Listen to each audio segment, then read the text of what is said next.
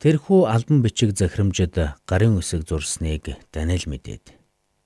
Дээд давхрын өрөөндөө Иерусалимийн зүг харсан онгорхой цонхтой гэртээ орж урд хийж байсан ёсоор өдөр бүр 3 удаа өвдөг сөгдөн Бурхныхаа өмнө залбирэн талархал өргөв. Даниэл 6-гийн 10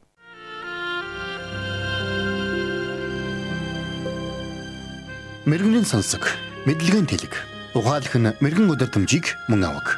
Доктор Харалт цаалогийн мэрэгэн зөвлөмж нэвтрүүлэг.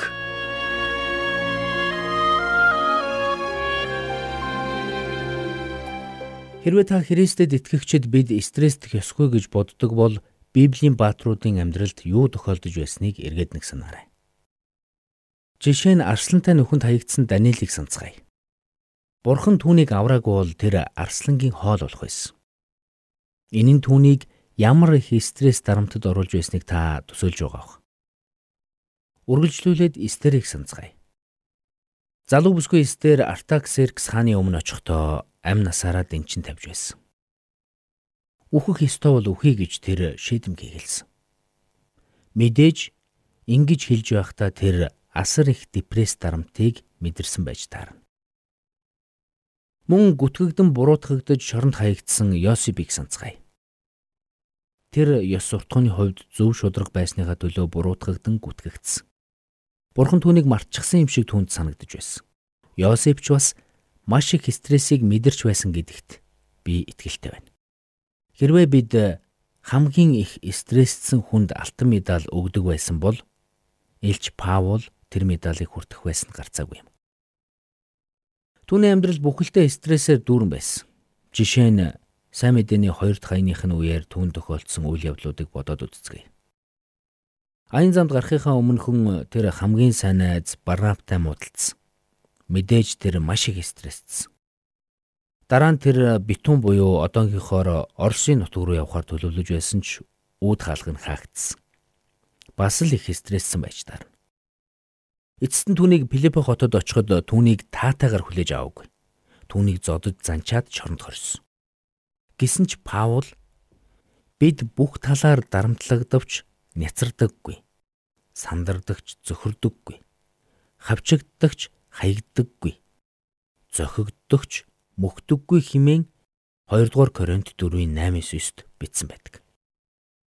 Үнэхээр заримдаа бид зөв зүйл хийснийхээ төлөө мөн өөрөөсөө огт шалтгааллахгүй зүйлсээс болж стресстэх ёстой болдог. Нөхөр нь хэрэг төвөгт орооцолдох үед эсвэл өсвөр насны хүүхэд нь дураараа ажиллах үед эсвэл эцэгийнх нь итгэл бишрлийг нь хүлээн зөвшөөрөхгүй байх үед хүн бүрэл стрессдэг. Үнэн дээр Христэд итгэгч хүн стресстэх ёсгүй гэж үзнэ гэдэг нь Христэд итгэгч хүн ханаа тумууд тусах ёсгүй гэж хэлж байгаатай адилхан бодит бус хүлээлт юм.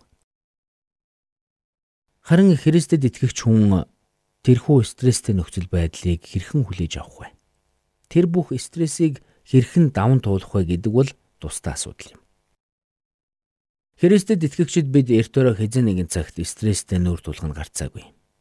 Харин тэр үед бид заримдаа энэ бол стресстэй нөхцөл байдлыг бурхан мэдэж байгаа болов. Бурхан намайг мартчихсан биш байгаа. Бурхан энэ бүх нөхцөл байдлыг үнэхээр хянаж байгаа гэж юу? Хэмээн асуудаг. Заримдаа бид Эфес 1:11-д бичигдсэн Бурхан бүх юмсыг хүсэл хийгээд шийдвэрээр үйлддэг бөгөөд бүх зүйл түүний зорилгын дагуу урдаас тогтоогдсон гэсэн үгс үнэхээр үнэн гэж юу хэмээн эргэлздэг.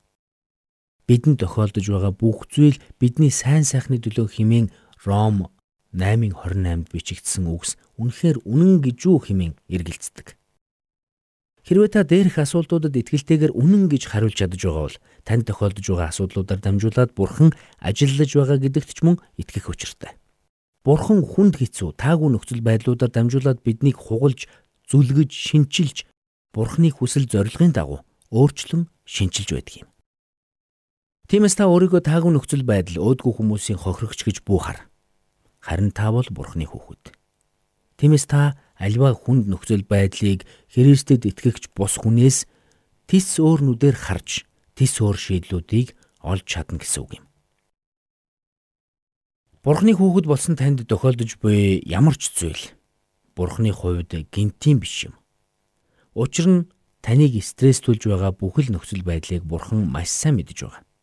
Тэр таныг ийм байдалд орохыг энэ дэлхийд мэдлэхээс чинь өмнө мэдэж байсан. Маргааш ч нөгөөдөрч Бурхан тантай хамт байх болно.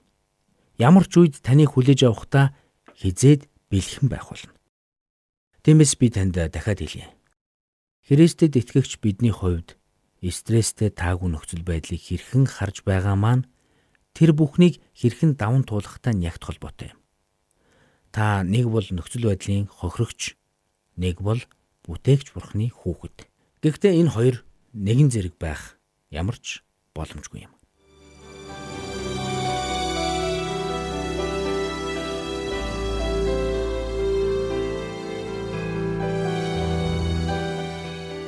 Мэргэн нэгнийг дагвал мэргэн, мулгуутай нөхөрлөл хорлол.